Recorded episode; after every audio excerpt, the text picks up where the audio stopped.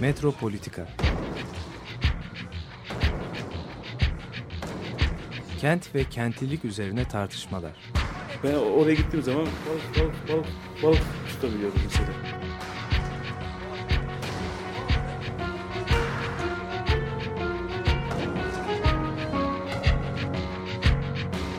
Hazırlayıp sunanlar Aysin Türkmen, Korhan Gümüş ve Murat Güvenç. Takusuyor ki. kolay kolay boşaltamadı. Yani elektrikçiler terk etmedi Perşembe Pazarı. Merhabalar değerli Açık Radyo dinleyicileri. Metropolitika'da Murat Güvenç ile ben Korhan Gümüş birlikteyiz e, bugün.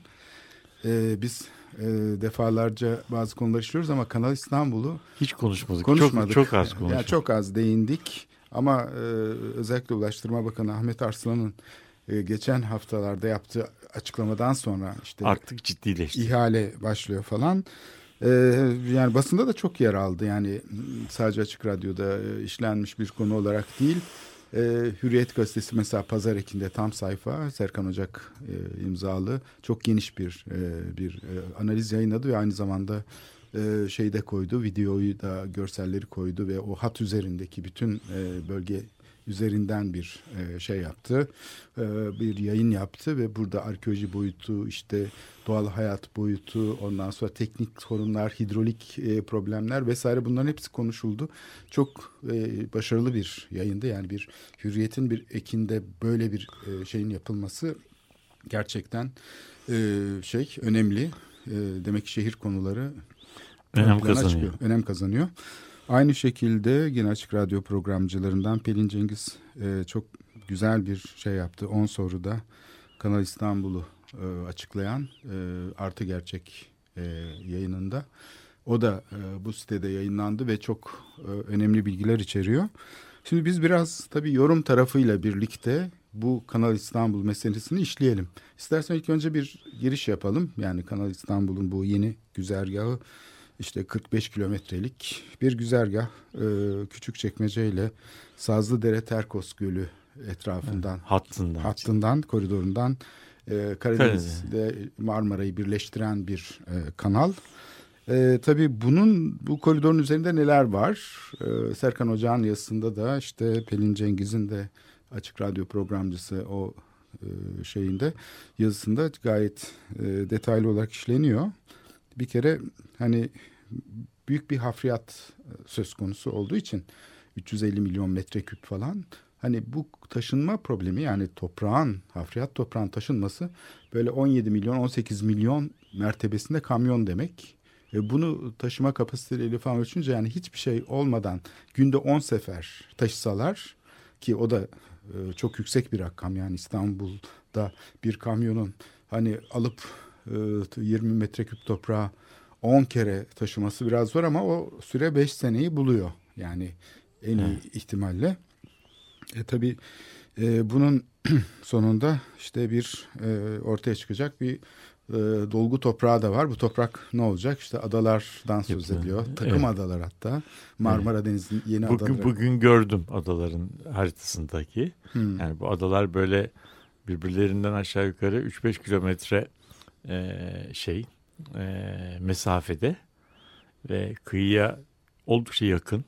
Yani biraz böyle Emlak değeri e, artsın diye mi acaba? Evet bilemiyorum Ulaşım yani. sorunu olmasın. Yani işte bilemiyorum işte şimdi burada daha çok ada dediğimiz zaman böyle yani kıyıyla ilişkisi daha çok Galatasaray adası gibi. Yani kıyıdan böyle aşağı yukarı 500 metreyi geçmiyor. Yani çok çok yakında. Büyükçe, büyükçe adalar mesela bir tanesi Beylikdüzü'nün tam önünde e, o, o- olacak bu adalardan. Ondan sonra bir tanesi de daha çok avcılar tarafında bir tanesi de bu Büyükçekmece tarafında büyükçe 3 3 tane büyük ada gördüm. Fay hattına çok yakın dolgu alanları. olacak. Evet. Ee, sonunda e, bu adaları da düşündük. Yani arkadaşlarla beraber düşündük. Yani şimdi bu ada yapmak için yani şimdi ada yapılacak dediği zaman şöyle bir şey ol- oluyor. Bu kanalın toprağı toplanacak, kamyonlara e, Konacak, getirilecek, e, bir yere konulacak. Ondan sonra Depolanacak. Depolanacak, tekrar ondan sonra gemilere yüklenecek. ve ondan sonra e, denize gidilecek ve denizde e, belirlenen alana boşaltılacak yani toprak. Tabii bunun e, yani bugün birazcık birazcık maliyet, birazcık şehir, birazcık şey bilen insanlar e, bu e, bunun çok pahalı bir yöntem olduğunu. E, tabii doldur ve de, boşalt. Den, den, tabii evet. bir de denize toprak dök, dökerek ada yapmak biraz zor bir iştir. İşte, tabii. Tarım e, toprağı ee, işte, Evet. Yani şimdi o zaman ne yapılacak herhalde? Denizin altında büyük bir e, nasıl diyelim toprağı tutabilmek için şey kazık olması yani bir kazık yapılacak veya taşlar döşenecek. Evet. Onların üzerine toplanacak. Şimdi bugün e, konuşmalar içerisinde ortaya şu çıktı ki yani bu ada yapmak aslında biraz zor ve pahalı bir şey. Halbuki yarım ada yapmak daha kolay. İşte ben de yani, oraya işte, getirecektim. Yani şimdi bu, o yüzden yani toprağa doldurup e, gemilere yükleyip 500 metre ileriye götürüp boşaltmak yerine daha kolay yol terlerinden bir tanesi denize doğrudan yeni kapıda e, yapılan gibi denizi evet. yani o o da biliyorsun ada idi. Ama sonra yarım ada şeklinde tecelli etti yani sonuç yarım ada oldu. Yani ada yapmak biraz zor ama yarım ada biraz daha kolay. Onun için yarım ada şeklinde daha e, iktisatlı olacağını düşündük bugün. Şimdi bunu herhalde bir bilene sormadılar henüz. Sorunca tıpkı senin söylediğin gibi e, bu adanın maliyeti yani bu hafriyat çok önemli bir maliyet kalemi. Tabii. Hele bunda bir de... Ama onu ondan ada yapmak daha da ucuz bir şey değil yani. Evet. O zaman e, bunun mesela kıyıda bir şekilde bir takım e, yarım adalar ya da böyle şerit bant halinde evet. bir takım yeni emlak değeri de üstelik yüksek olacak sahil şeridinde yeni araziler üretmek olduğunu söyleyebiliriz ki nitekim hani evet. 80'li yılların ortasından sonra e, Kadıköy yakasında birçok yer bu şekilde doldurulmuştu. Şimdi e, ama tabii bu benim de bir söylediğim argümanın tamamen tersi de var. E, niye yarımada istenmiyor da ada isteniyor? Evet. Yani şimdi e, biliyorsun bizim e, kıyı kanunumuza göre kıyıda elde edilen dolgu alanlardaki toprak üzerinde o topraklar üzerinde tapu verilemiyor. E, kanun değişir. Yani o ama ada olursa yani bu bizim kıyı kanunu adalar için geçerli değil ama bir şekilde ada yapılırsa o zaman adalarda mülkiyet tesis etmek kolay oluyor. Öyle olduğu zaman kıyıya çok uzak olmayan e, şeyin e, İstanbul'un böyle nüfusunun özellikle yoğun olduğu bölgelerin karşısında işte insanın aklına şey geliyor. Yani kendin pişir kendin ye e, filan türünden çay bahçeleri olan şeyleri olan, gezmeleri, tozmaları olan, parkları olan, çocuk eğlence alanları olan böyle e, birer Disneyland tipi şey olabilir. Yani e, rekreasyon merkezi bu adalarda. E, ada olduğu için de kıyı kanununun şeyinden e, koşullarından muaf oluyor.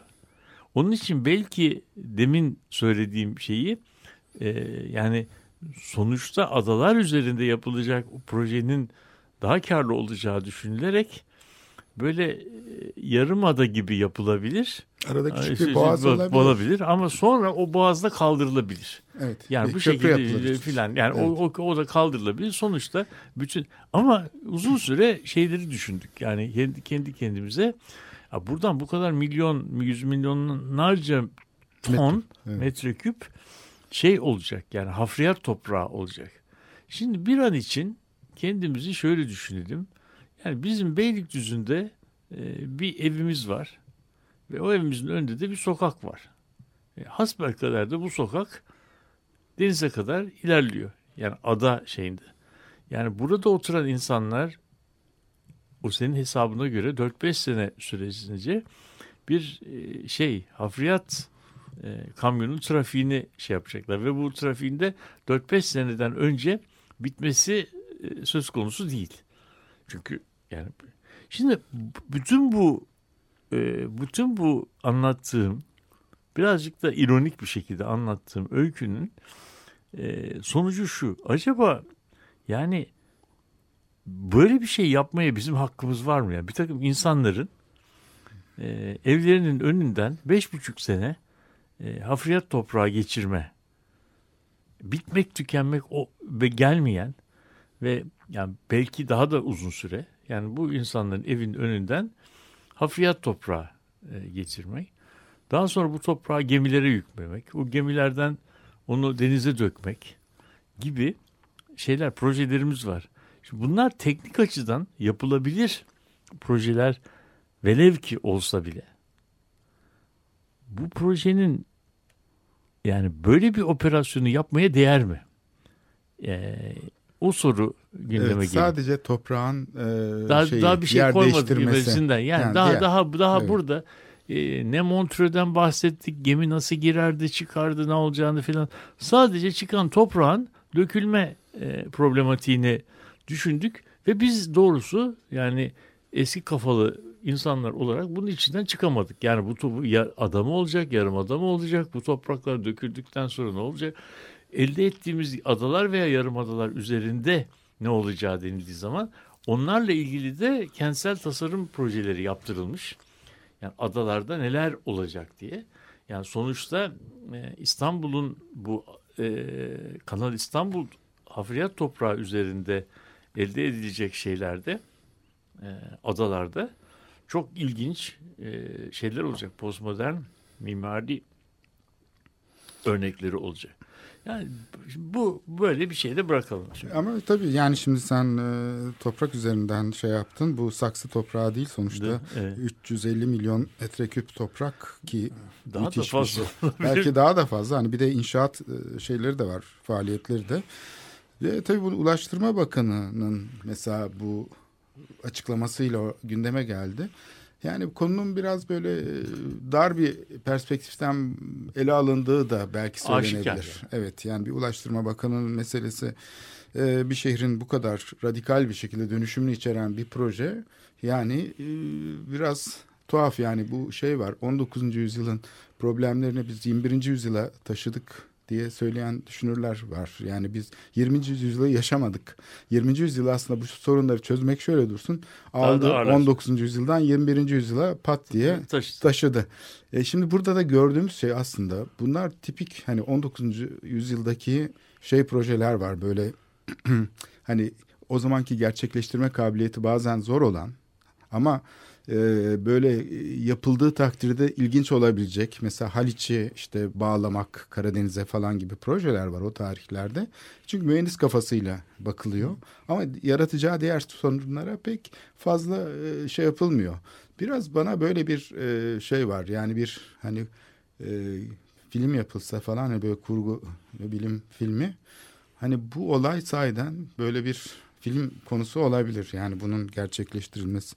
Şimdi burada tabii e, uzmanlar ciddiye alıyor bu konuyu yani böyle e, daha ilk, ilk noktada takılmıyorlar ve birçok açıdan bakıyorlar. Biz çıkan topraklarda Biz takıldık. daha işin başında takıldık kaldık yani zihnimizde e, problemi çözemedik ama çözüm için işte epey şeyler çıkıyor bu arada. Alternatifler çıkıyor. Nitekim bunlar e, şeyde düşünülüyordur herhalde. E, bu tabii hidrolik mesele mesela en çok gündeme gelen 2011 yılında ta bu ilk projeden bahsedilmedi, bahsedilmeye başlandığı anda Cemal Saydam'ın Profesör Cemal Saydam'ın e, ki boğazlar üzerine yani bu Karadeniz Marmara ve Akdeniz ilişkileri üzerine yıllarca çalışmış bir uzmanın açıklamaları oldu. İşte bu hani Karadeniz üç tane önemli büyük nehrin tatlı sularını alıyor yani Tuna, işte Dinyester, Dinyeper falan. E, bu dolan su, Karadeniz'e dolan tatlı su, kirli ve tatlı su diyelim. E, bu su e, aslında e, şeyin üzerinden yani boğazdan 30 santim yukarıda olduğu için akıyor. Akdeniz'den Akdeniz'deki buharlaşmayla ve işte şeyle e, bi- biraz da rüzgarların etkisiyle suyun e, şey olmasıyla eksilmesiyle bu yukarıdan dolduran e, buna karşılık da tuzlu su tabii 30 kilo daha ağır metreküpte.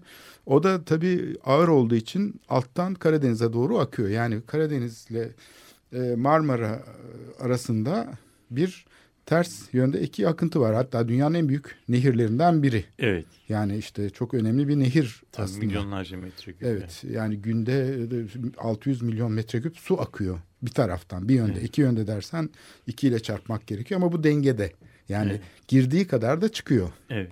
Şimdi bunların özgül ağırlıkları farklı olduğu için iki suyun E, bunlar ters akıntı şeklinde birbirini e, dengeliyor. Bir, birbirini dengeliyor. Şimdi bu açılacak olan şeyi ikinci musluk olarak niteliyor Cemal Saydan biliyorsun belki. Evet, evet. E, ve Karadeniz'den böylece fazla daha derin olmadığı için Boğaz kadar tek yönlü bir su akışıyla Marmara'ya aslında bir musluk açılacak diyor ve bu kirli sular Marmara'ya dolacak ve Marmara'nın tabii o zaman da belli bir denge olacak.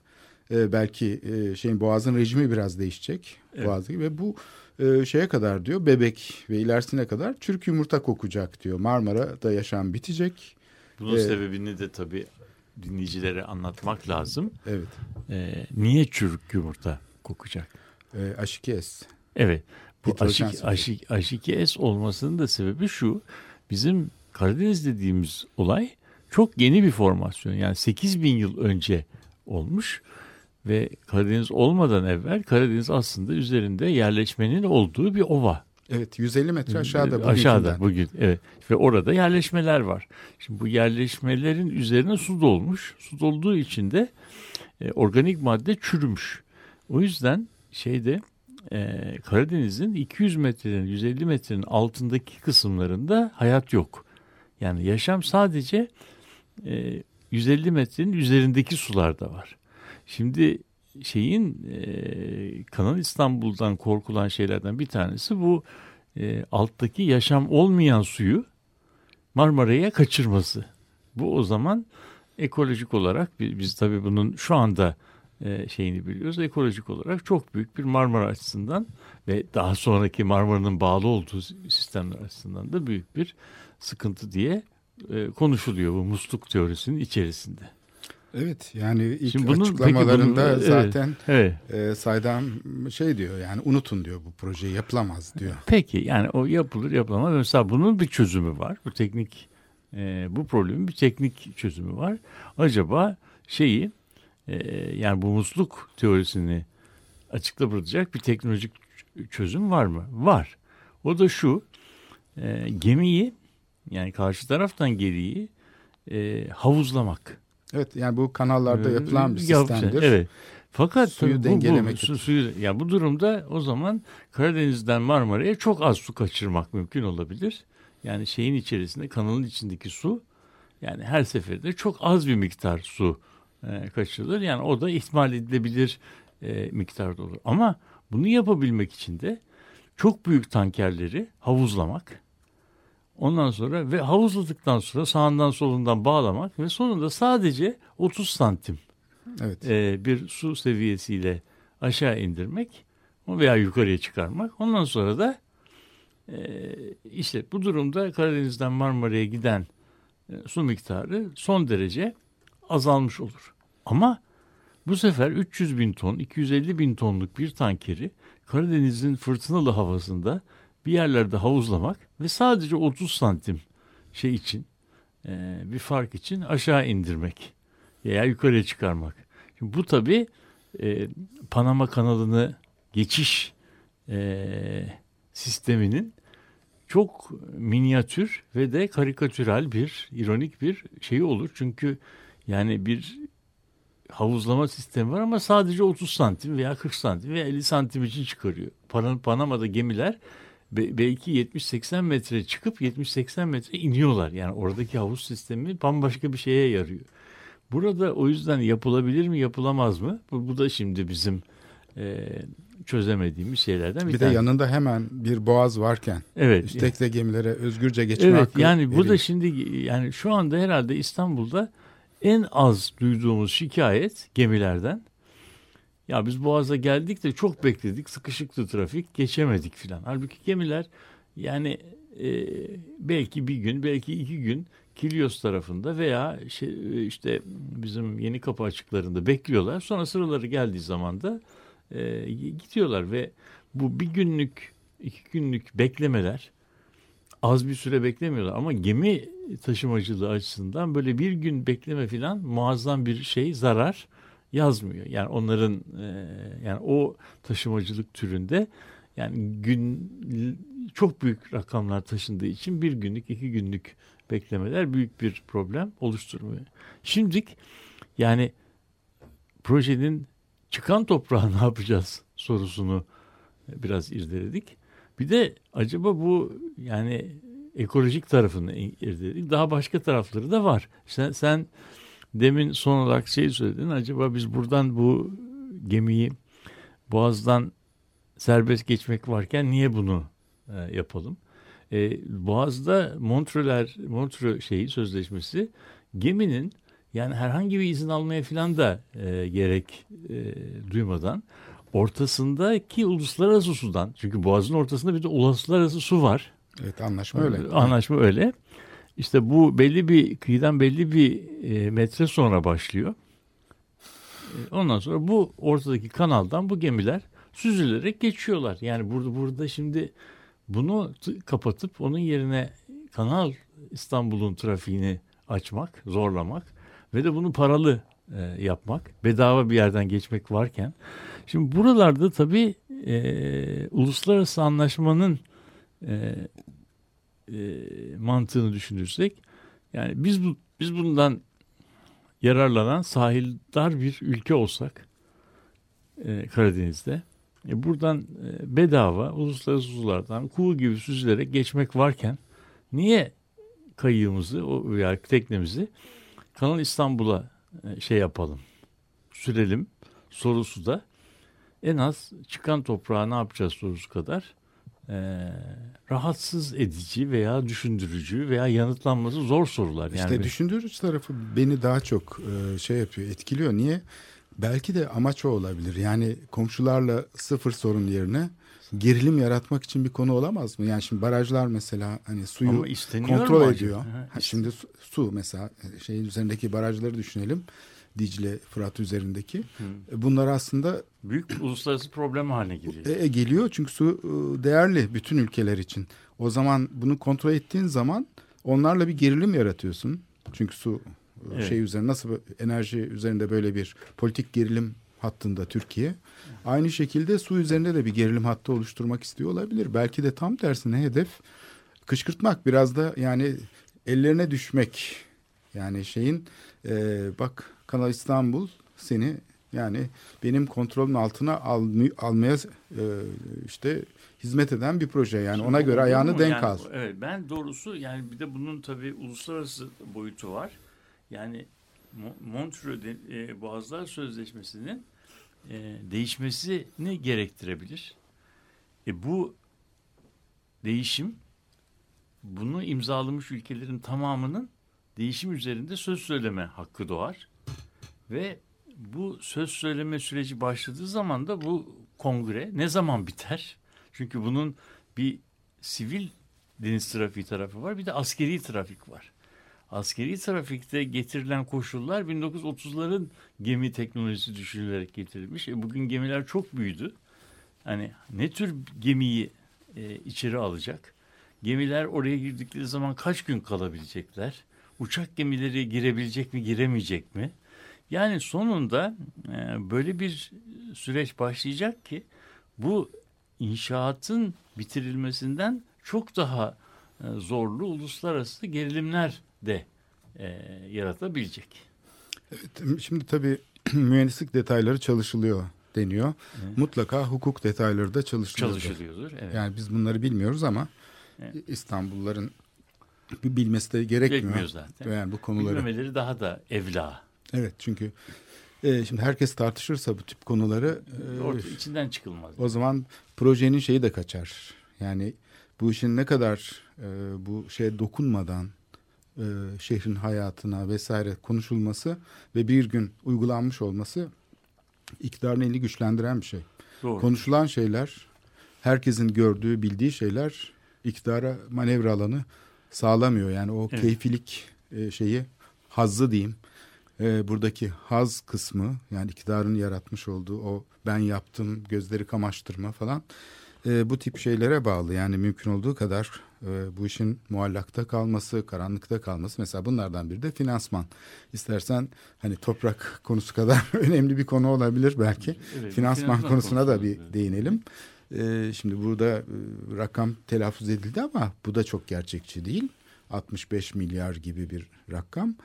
E, bunun için hani şimdi bunu kim yapacak meselesiyle birlikte geliyor. Yani bu şey için bir uluslararası konsorsiyumun hani e, Kurulması gerekiyor. kurulması ve bu teklifin onlardan gelmesi yani işte biz bunu yaparız demek ki o zaman bir şey açılacak uluslararası ihale ve buna da işte şeyler başvuracak diyelim. Bir model bu. Şimdi burada tabii garanti isteyecekler. Aynı 3. köprüde olduğu gibi, Körfez Köprüsü'nde olduğu gibi, e, başka konularda olduğu gibi e, tabii yatırımcılar e, bir garanti isteyecekler. Yani ben bu işe bu kadar para yatıracağım ama e, peki yani kar etmemi garanti altına alman lazım ki ben gelim diyecek. Evet. Çünkü hükümet değişir, şu olur, bu olur. Şimdi tabii hükümetin hani bu konuda sürekliliği de çok önemli. Kaç sene sürecekse bu proje etkileriyle birlikte diyelim 10 sene 15 sene sürecek bir projeden söz ediyorsak ki en az o kadar sürer yerleşim alanlarıyla vesairesiyle diyelim 20 senelik. 20 sene aynı hükümetin iktidarda olması lazım. Başka bir hükümetin değişmesi gelmesi demek Öncelikler değişirse Evet. E, o zaman yani e, yatırımcılar bunu da dikkate almak zorundalar. E, iki tarafta birbirine güvence verecek. Tabii. Yani Uluslararası Konsortiyum diyecek ki tamam ben de hükümetlerime baskı yaparım. E, bu yatırım kuruluşları zaten artık e, şeyler yani kendileri de uluslararası şekilde örgütlenmiş durumdalar.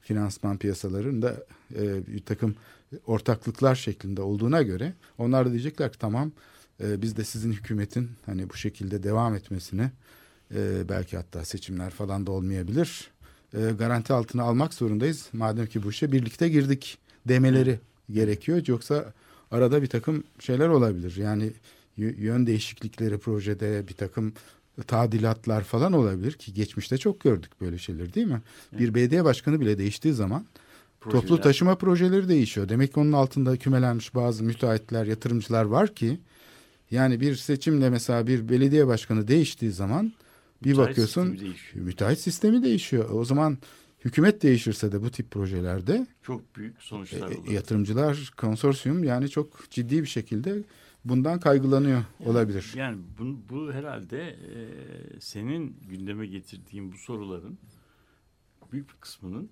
bizim bilmediğimiz e, bir cevapları var. Veya onlar çalışılıyor olabilir. Fakat projenin bir başka ilginç noktası da yani şu ana kadar biz böyle bir projenin yapılacağını biliyoruz ama bu deminden beri gündeme getirdiğim soruların tam da nasıl çözüleceğine dair en, en, en ufak bir ipucumuz yok. Yani Belki de o sorunlar e, çözülmesin diye yaratılmış olan sorunlar. Yani bizim standartlarımızı değiştirecek sorular bunlar. Mesela seçimlerin burada ne alakası var değil mi? Bir proje ve bir siyasi planda hiç alakası olmayan seçim dediğimiz bir olay. İşte yani uluslararası hukukta bunun seçimlerden etkilenmeyeceğini garanti eden maddeler konabilir. Yani kim gelirse gelsin e, bunun yani sürdürülmesi şey yapılabilir, e, kayıt altına alınabilir. O zaman da o zaman da iktidarların iktidarının kendisi sorgulanır. O zaman iktidarın bir değişiklik yaratma bir fırsatı da kalmaz. Yani iktidar değişiklik yaratamayacağı, e, yaratmamayı kabul ettiği düzeyde bir iktidar değişimine izin var. İktidar değişimi bazı şeyleri engelliyorsa o zaman onların e, diyelim bu değişimin yapılmaması gerekir. Yani e, işte bu ilk yarım saatte bizim yaptığımız e, irdelemede yani çıkan topraktan Montreux şeyine kadar e, işletme sistemine kadar pek içinden çıkamadık biz yani Evet. ikimiz Üç ikimiz- tane konuyu konuştuk ondan bile çıkamadık. Evet. Şimdi e, ikinci e, şeyin yani programın ikinci yarısında bunun kentsel ekolojik etkileri üzerinde e, tartışmaya devam edelim. Yani çünkü bunun e, tetikleyeceği diyelim ki yapıldı. Bunun nasıl bir e, çevre e, peyzaj şekillendireceği konusunda e, bir takım tartışmalara devam edelim. Bunda bu tartışmaların bir kısmı e, teknik olarak tartışılıyor ama bu teknik tartışmada şey teknik tartışmada şeyi pek görmüyoruz. Yani kentsel etki problematiği nasıl düşünül çözülecek onları görmüyoruz. İkinci kısımda onu şey yapalım.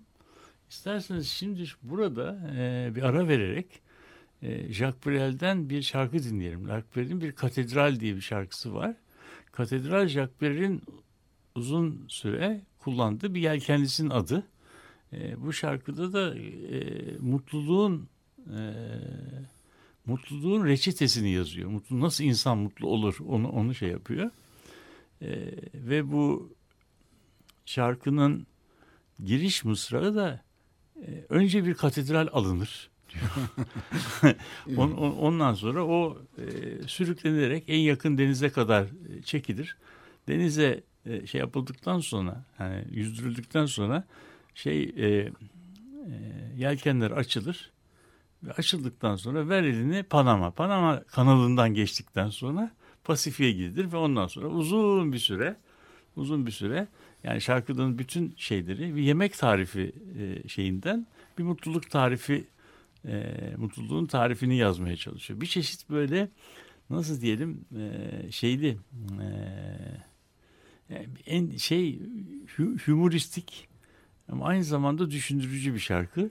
Biraz niye çaldınız denildiği zaman çok önemli bir yerinde de Panama kanalından geçiyor bizim Bunu şeyimiz. sahiden yapmış herhalde değil mi? E, tabii kendisi kendisi kendisi e, bu şeyiyle e, e, ölmeden evvel e, son seyahatini yapıyor.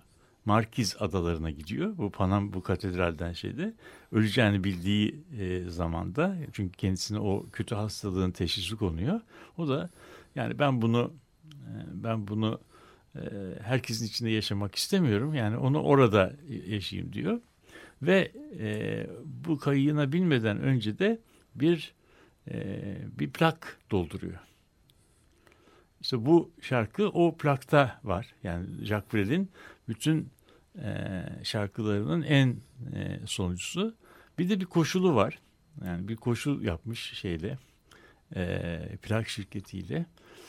Ya ben ölmeden bunu basmayın diyor. Yani yayınlamayın. Ben bunu yani ben öldükten sonra bunu yayınlayın diyor.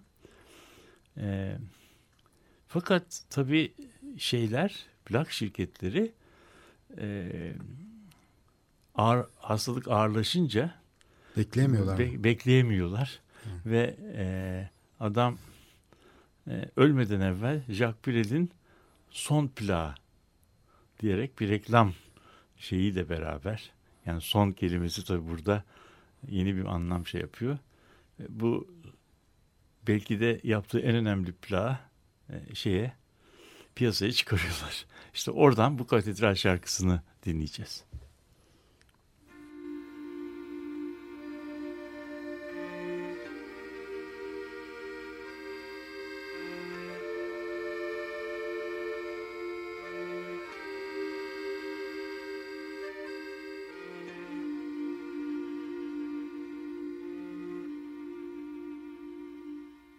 Prenez une cathédrale et offrez-lui quelques mâts, un beau pré de vastes cales, des haubans et bas. Prenez une cathédrale haute en ciel et large au ventre, une cathédrale à tendre de clin phoque et de grands voiles. Prenez une cathédrale de Picardie ou de Flandre, une cathédrale à vendre par des prêtres sans étoiles. Cette cathédrale en pierre qui sera des bons dieux risés, traînez-la à travers Paris jusqu'où vient fleurir la mer. Hissez la toile en riant et filez sur l'Angleterre.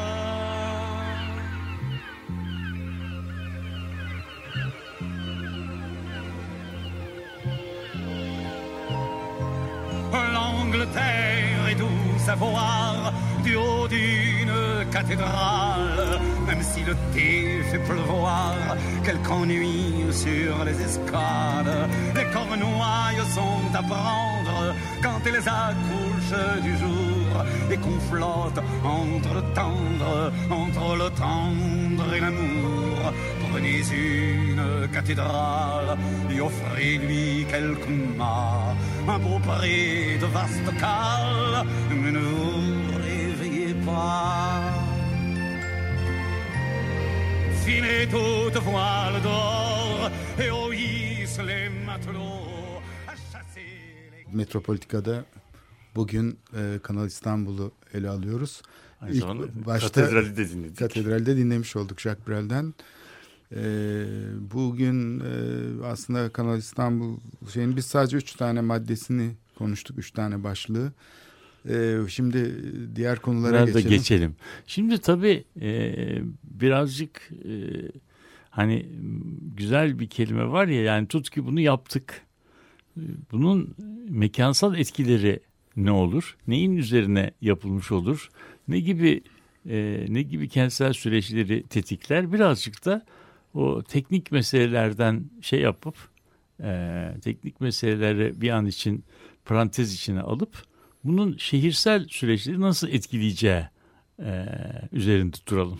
İstersen burada hemen küçük bir parantez içinde bunun yapılış biçiminin aslında e, bilgi üretiminin yani şehirle ilgili konuların doğrudan doğruya artık ulusal ölçekte böyle merkezi bir politikanın konusu haline getirerek aslında bilgiyle iktidar ilişkisini biraz değiştirdiğiyle başlayalım istersen. Evet yani burada şeyden bakalım yani e, bugün kanalın yapılmadığı olmadığı bir yerde e, işte o bölgedeki yaban hayatı nasıl e, şekillenir?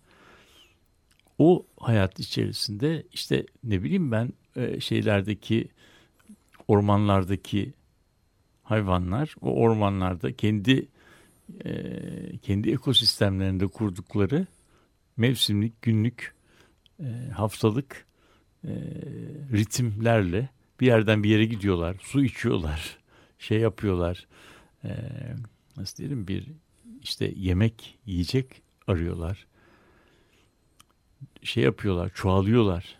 Bazı yerleri çoğalma amacıyla kullanıyorlar.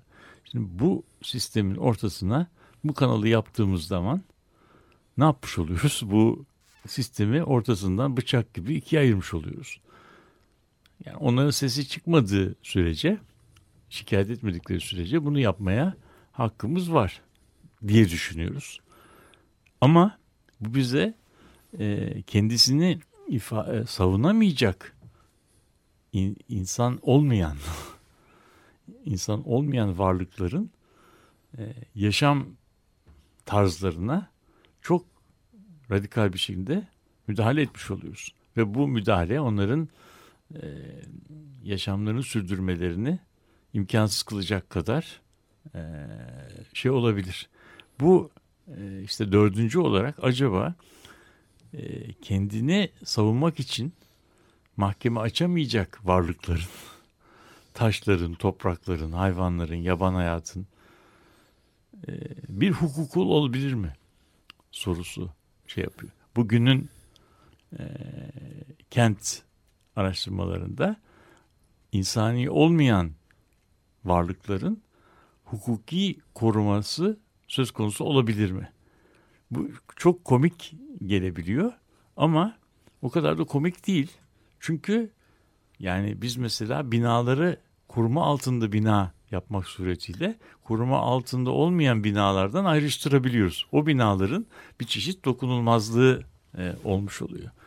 Bu e, bu meseleyi e, böyle bir şey yapalım. E, ortaya koymuş olalım. Şimdi şehirsel süreçler itibariyle düşündüğümüz zaman bu bölgede hayvanlar yok. Aynı zamanda insanlar da var. İnsanlar bir yerden bir yere geçiyorlar. Bu bu bir yerden bir yere geçen insanlar bunun bu kanal yapıldıktan sonra karşıdan karşıya nasıl geçecek? Onu Evet. söylüyorlar zaten. Evet. Şimdi Boğaz'daki üç köprü burada yetmeyecek. Şey, Burada Daha çok daha fazla, çok için fazla. 8 tane falan köprü Köprü. yapılacak Şimdi zaten. bu köprülerden bazıları üzerinden e, üçüncü köprünün otoyolları geçecek. Bazıları Demiryolu. demiryolu geçecek. Bazı da yerel yolları geçecek. E Bir de enerji hatları, su hatları. Enerji hatları geçmesi. Yani sonra e, şeyin e, Kanal İstanbul'un yapılması bizim bugün İstanbul dediğimiz coğrafyayı bir adaya dönüştürürken iki taraftan yani Trakya ile İstanbul adası İstanbul'un içinde bulunduğu ada arasında işte çok kompleks bir ulaşım sistemi kurulmasını şey yapacak. Bu ulaşım sistemi de e, kentsel süreçler açısından şöyle bir yan etki yapması beklenir. Buna kent planlamada huni etkisi denir. Yani bütün süreçler kendilerini köprünün olduğu yere doğru e, yönlendirirler. Bu yönlendirme içerisinde o bizim Boğaz, Boğaz Köprüsü'nde olduğu gibi Huni köprüye giriş çıkış köprü alanları inanılmaz derecede cazibe merkezi haline gelir. Başka yerler ise bu önemlerini kaybederler. Böyle olduğu zaman o köprülerin e, bulundukları yerleri kontrol eden e, toprak sahipleri bu kontrol yani bu kontrollerinin şeyini mükafatını çok hızlı bir şekilde alırlar.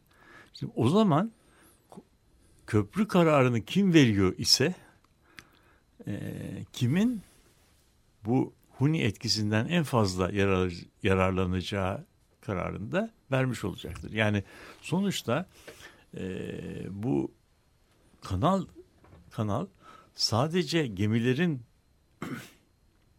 Karadeniz'den Marmara'ya geçme problematiği üzerinden değil de karadaki trafiğin yeniden e, tasarlanması sürecinde de bugün hiç belki dikkate almadığımız çok e, ilginç e, dinamikleri tetikleyebilir. Şimdi diye evet. yani bu söylediğin şey çok önemli şehircilik açısından. Kanal İstanbul hep bir şey olarak e, koridor olarak işte kuzey batı arasında gözüküyor. Yatay... Halbuki burada köprünün başı dediğimiz köprünün başını tutmak dediğimiz bir olay var. Evet. Ve bu da bu sekiz tane ya da altı tane köprü yapılırsa asıl e, orada yoğunlaşmanın olacağını düşün, e, söylüyorsun. Hmm. Çünkü Boğaz'daki modern yerleşme yani 19. yüzyılda gerçekleşen, başlayan şey aslında deniz ulaşımına dayanan bir yerleşmedir. Tabii. Kara ulaşımına İskele, daha, iskelelerin önü, arkası evet. oraya varan mesela Kuzguncuku e, göz, gözümüzün önüne getirelim. Kuzguncuk'ta çok e, vadi içine ilerleyen çok hoş bir ağaçlıklı yol vardır. Ağaçlıklı yolun en ucunda işte vadenin e, başındaki e, bizi oraya kadar getirir. En ucunda da iskele vardır.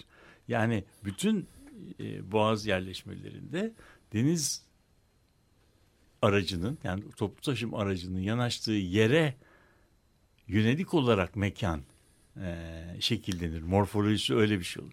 Şimdi bu ister istemez şeyde bugün var olan ve bugün bu öncelikler sistemi içinde hiç şekillenmemiş bir mekansal yapının o şey üzerindeki Kanal İstanbul üzerindeki yan geçişler üzerinden yeni baştan şekillenmesi e, sonucunu doğuracaktır. Bunun tam neye benzeyeceği konusunda bugün hiçbir şey bilmiyoruz. Ama böyle bir şeyin bilmiyoruz çünkü e, köprülerin nerede yapılacağını bilmiyoruz. İşte o mücadele evet. orada olacaktır.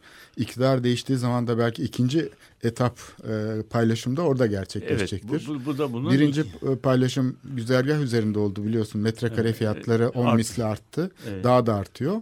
Ama dediğin olay ortaya çıktığı zaman yani köprü kararları dediğimiz daha işin mikro politik e, cihazları diyelim bu Kanal İstanbul'un projelendirilmeye ki şu anda herhalde onlar da gündemdedir. Evet. Ee, orada da, da bir ciddi hesaplar dönüyor demektir. Evet, yani bu burasında da burada bizim e, biz sadece Kanal İstanbul'u işte Karadeniz'in suyu nereden nereye akar vaziyetinden e, şey terimleriyle düşünüyoruz ama aynı zamanda Kanal İstanbul eskiden hiç var olmayan bir bariyer etkisi, bir engel etkisi e, yaratarak şeyin e, sağı, sığ ve salı kanalın sağı ve solu, doğusu ve batısı arasında muazzam bir kopukluğun e, şekillendiricisi olacaktır. Bu kopukluğun giderildiği pasajlar ise e, yeni İstanbul'un odakları, e, alt merkezleri haline gelebilecektir.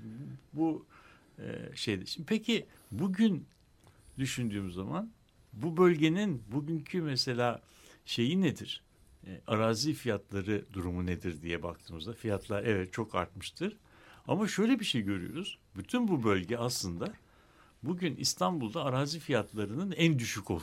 Evet 10-15 lira olan metrekaresi yerler 300 liraya çıkmış. Ama 300 lira bile İstanbul'un kendi e, arazi fiyatları skalasında en düşük. Tabii e, şeyler. köprü başında ne olur mesela? Evet yani bu şimdi bu e, bu köprü sistemine geldiği zaman bugün 300 liraya alınan e, arazi o köprüye yakın olan kesimlerde derhal İstanbul'daki kentsel rantlara e, ilişkin e, bir dönüşüm geçirir. Yani burada 3 bin liralar, e, 4 bin liralar gibi bir normal şey. Böyle olduğu zaman da e, başka bir e, beklenti, başka bir süreci beklememiz gerekir. Bugün orada inşa edilmiş olan ve boş beklemekte olan yüz binlerce e, konut stoku birdenbire e, bu köprü geçişlerine, karşıdan karşıya geçişlere referansla yeniden yeni anlamlar kazanılır. Ve müthiş bir rağbet e, olur bu binalara. Ve şehirde de belki Kanal İstanbul açıldıktan sonra yıllarca yıllarca sürecek bir e, yeniden yerleşim, yeniden dağılım e, modeli şekillenmiş olur. Yani gördüğümüz gibi Kanal İstanbul sadece gemileri Karadeniz'den e, Marmara'ya geçirme problematiği üzerinden değil de yani şehrin genel e, morfolojisi açısından da çok stratejik bir karar oluyor. Şimdi bu noktada durup düşünmemiz gereken şey bu çok stratejik karar hakkında ne biliyoruz, ne kadar tartıştık ee, ve yani bu konuda şeyin İstanbulluların rızası alındı mı?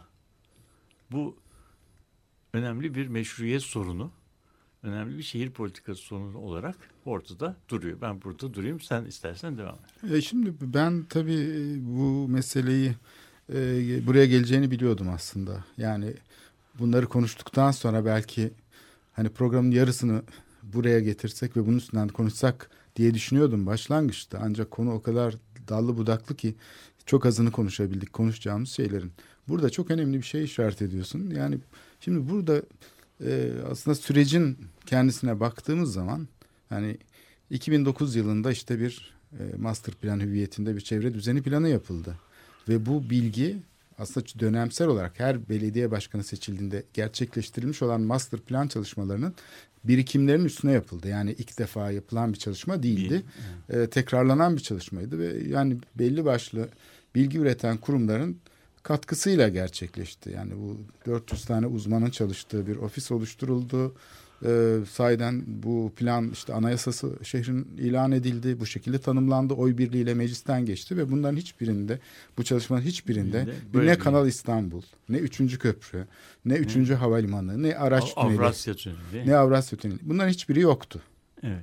Şimdi e, bu dolayısıyla yani ben tarihi e, bir kopuşla, bir paradigmatik e, şeyle karşı karşıya olduğunu düşünüyorum şehrin. Hani bu 19. Evet. yüzyılın şeyini 21. yüzyıla taşıdık derken, derken bunu söylemeye çalışıyordum. Çünkü buradaki karar alma biçimi ister e, icraat açısından olsun yani e, politik karar alma mekanizması dikkat edersen gösterilen kısmı boş bir şey üzerine tasarımını yapıyor. Mevcut bir şehir ya da doğa analizi değil. 2009'daki master plan ise bütün bunları dikkate alan ama gene nesne olarak bir şehri tanımlıyor. Yani şehrin bilgisini kendisini merkeze yerleştiren bir optikle görüyor. Fakat kendisi görünmüyor. Bunu bilgi olarak nesnesi üzerinden okuyor. Şimdi buradaki soru acaba bizim bildiğimizin dışında bir doğa var mıdır sorusunu gündeme getirmiş oluyor. Çünkü biz doğayı ne olursa olsun bir temas biçimiyle işliyoruz. Bilgi aracılığıyla bu doğa hakkında bilgi sahibi oluyoruz. Ancak bu yaklaşım yani bugünkü karşılaşma biçimi bunu daha apokaliptik bir tarza dönüştürüyor. Yani bir korku şeyiyle işte yapılırsa şu olacak bu olacak. E çünkü biz aslında bu bilgiyi paylaşma yöntemimiz gerçekliğe çarpma etkisiyle oluyor. Yani gerçeklik doğa sahiden bir şekilde çarpıyor. Yani o da bir cevap veriyor. Fakat biz bunu anlama, tartışma, paylaşma imkanı olmayan bir yöntemle 19. yüzyıldan kalma bir şehir evet. planlama tekniğiyle evet, biraz, yaklaşıyoruz. Biraz onun onun e, bu senin söylediğinin ön kabullerini e, dikkate aldığımızda şöyle bir şey çıkıyor. E, senin bu 19. yüzyıldan kalan yaklaşım dediğinde 19. yüzyılın pozitivist e, dünya görüşünün pek çok şeyini, özelliğini taşıyor. Bir tanesi e, fail, aktör kavramı üzerinde. Aktör bu yaklaşımda sadece insan olabilir. nesnelerin insanların insanlar olmayan nesnelerin insani olmayan nesnelerin süreçlerin geleceği hakkında hiçbir e, faillik e, iddiası söz konusu e, olamaz. Korkarım buna insan da katmamız Evet, gerekiyor. tamam, Çünkü yani insanlar da çünkü Tabii işte işte bu Evet. bu bu yani bu insan Mes- ve insan olmayan Evet. e, ayrımını yaptığımız zaman bazı bunun sonuçları var. Bir tanesi insan olmayanların hakkı yok. Yani o hak o onların hakkını savunan bir hukuk da yok. E, bu hukuk ancak kamu yararı üzerinden bir miktar e, savunuluyor ama o da o da çok şey yani istimlak filan e, şeyle o kamu yararı da e, kenarından dolaşılabilen bir e, şey. Şimdi bu tabi insanla doğa ilişkisini bir ayrım üzerinden kurmak yerine insanı zaten kendisinin ürettiği bir çevre olan doğa üzerinden e, onun birlikteliği, ilişkisellik üzerinden e, okumaya başladığı zaman insan doğa zıtlığına e, dayalı şey nasıl diyelim yaklaşımın temel dayanak noktaları ortadan kalkmış oluyor. Bu ise kenti bugüne kadar yaptığımızdan çok farklı biçimlerde kurmak, kurgulamak, temsil etmek sorunuyla bizi e, bırakıyor. Ve biz bu sorunu tartışmaya çok hazırlıksız durumdayız şu anda. Yani şey e, Kanal İstanbul projesi aslında yerel demokrasi, yerel yönetim, yöneten yönetilen e, ilişkisi açısından yönetilenlerin hiç de hazırlıklı olmadıkları bir platforma e, çekerek süreçleri e, birbirinden birbiri yani birbirini izleyecek yüzlerce emrivakinin başlatıcısı haline gelecek. Yani demin söylediğimiz işte bunun ekolojik e, şeyi, emlak fiyatları üzerindeki etkisi, bu etkinin tetikleyeceği şehirsel e, yer değiştirme süreçleri ki bunların içerisinde hiç günahı olmayan toplulukların bulundukları yerden ister istemez e, ayrılmak zorunda e, kalmaları. Yani kent E, ekonomisinin bir- böyle bir şey. tepeden çok Tır yukarıdan belirlenmiş bir ve e, bu, şeyin içine ve bunun, girmesini ve sağlayacak. bunun artık Evet. e, fa, failinin Evet. belirsiz bir e, faili belirsiz bir e, sonu ve sonu gelmeyecek bir yeniden yapılanma süreci. Yani bu bizim e, kentsel dönüşüm dediğimiz süreci mumla aratacak ve arkası hiç gelmeyecek bir e, süreçten bahsediyoruz. Bu yani İstanbul'un o yüzden buna e, girmesi e, İstanbul'da yaşayacakları birkaç kuşağı sonu gelmeyecek bir inşaat faaliyetinin e, izleyicisi haline getirmek. İstanbul'un çok büyük bir kısmını bir şantiye haline getirmek ve bu, bu şantiyenin içinde ister istemek yaşayan insanları e, on yıllarca bir şantiye hayatı e, yaşamaları e, sonucu getirecek. Ben bunu düşündükçe yani imajinasyonumda, muhayyelemde düşündükçe e, kendi kendime şöyle komik bir şey düşünüyorum. Bir yerde inşaat yapıldığı zaman e, inşaatın etrafında bir tahta perde çekilir ve burası inşaat alanıdır, içine girilmez diye yazılır. Halbuki Kanal İstanbul dediğimiz şey İstanbul'un tamamını inşaat alanı e, haline getirecek ve bunun etrafında hiçbir tahta perde olmayacak. Yani İstanbullular inşaatın içinde e, doğacaklar, inşaatın içinde büyüyecekler, inşaatın içerisinde evli, evlenecekler ve bulundukları bölgeler bizim görebileceğimiz yakın geleceğe kadar sürekli bir inşaat alanı e, görünümünde olacak. Bunu insanlara teklif etmek ve insanları ister istemez böyle bir e, yaşamı yaşamalarına e, mecbur etmek, icbar etmek hakkımız var mıdır sorusu insanın aklına geliyor. Yani ben burada e, bunları düşündüm yani. Evet yani şimdi herhalde köprülerin de e, kazıdan önce yapılması lazım. Yoksa kazı başladığı anda ulaşım kopmaya başlayacak. İnsanlar işte itilecekler. Şuradan geçmeniz lazım, buradan geçmeniz. O zaman bir takım şeyler böyle hani nasıl İstiklal Caddesi'nde kazı yapılırken bir takım şeyler kondu, köprüler, geçici şeyler. Ee, Kanal İstanbul süresince de böyle hareketli köprüler, bir takım geçiş e, şeyleri böyle geçici olarak karşıdan karşıya geçmiş inşaat iskelesi gibi böyle insanların evet. karşıdan karşıya geçecekleri böyle manzaralar ortaya çıkabilir. Evet. Fakat e, bu işin yani e, ekonomik riskleri vesaire e, şeyi doğal riskleri falan bir tarafa e, imal edilen bir risk olduğunu yani bizim yarattığımız bir risk evet. olduğunu düşünürsek evet. sorun tam da burada ortaya ve çıkıyor. Yani kendi kendisini yeniden üretip ve şehri sonsuza kadar bir inşaat faaliyeti e, girdabına hapsedecek, e, öne alınmayacak bir şeyden bahsediyoruz. O yüzden e, çok iyi düşünülmüş ve bir yani emlak operasyonunun. Şimdi burada fail e, şimdi meselesine geri gelirsek burada insani bir faili failden söz edemeyeceğimiz ama projenin kendisinin bütün bir kentin geleceğini ipotek altına alan bir fail evet, e, gibi çok görmemiz doğru. lazım. Evet. E, böyle benim e, şeyde yani artık giderek yaşlanan bir şehir araştırmacısı olarak ben de düşündürdüğü şeyler bunlar yani. Bu fırsatta bunları düşündüm. Evet bu noktayı bunu da koyalım istersen. Programın sonuna geldik e, Kanal İstanbul aslında kendisi bir fail haline gelecek evet. mutlaka. Evet. E, yani ve bu fail ol, faildir yani. Onu da kimse kontrol edemeyecek. Evet. O öyle bir şey ki Heyula evet. e, ona sahip çıkacak e, şey de ortadan kalkacak. Çıkalım. Çünkü küresel sermaye evet. bilmem ne her şey bu işin içine girecek. E, sadece biz bu yarattığımız e, şeyle Failin, e, ama bu bunun ilginç tarafı bu süreç çalıştığı sürece yani bu evet. bu fail çalıştığı sürece 10 yıllarca bu İstanbul'da biz, bizden sonra gelecek kuşaklar bu failin e, önü alınmaz, kontrol edilmez yan etkilerini nasıl şey yapabiliriz, e, kontrol altına alabiliriz, bunların yanında nasıl yaşarız problematiği e, içinde yaşamalarını e, şey yapacak. Şimdi soru, acaba biz bunu istiyor muyuz?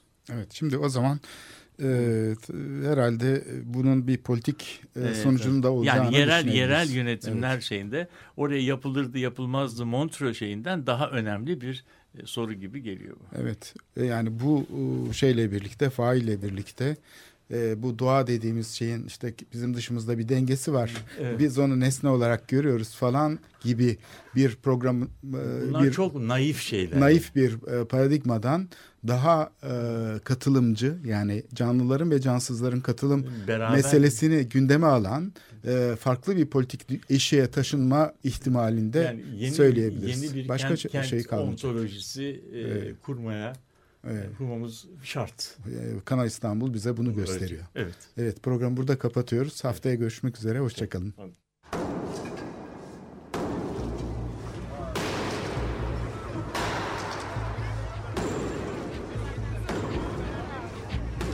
Metropolitika Kent ve kentlilik üzerine tartışmalar. Ben oraya gittiğim zaman balık balık balık balık tutabiliyordum mesela.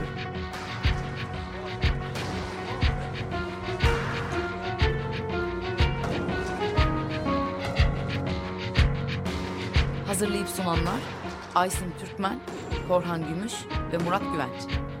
Takusu yok yani. Kolay kolay boşaltamadı. Yani elektrikçiler terk etmedi Perşembe Pazarı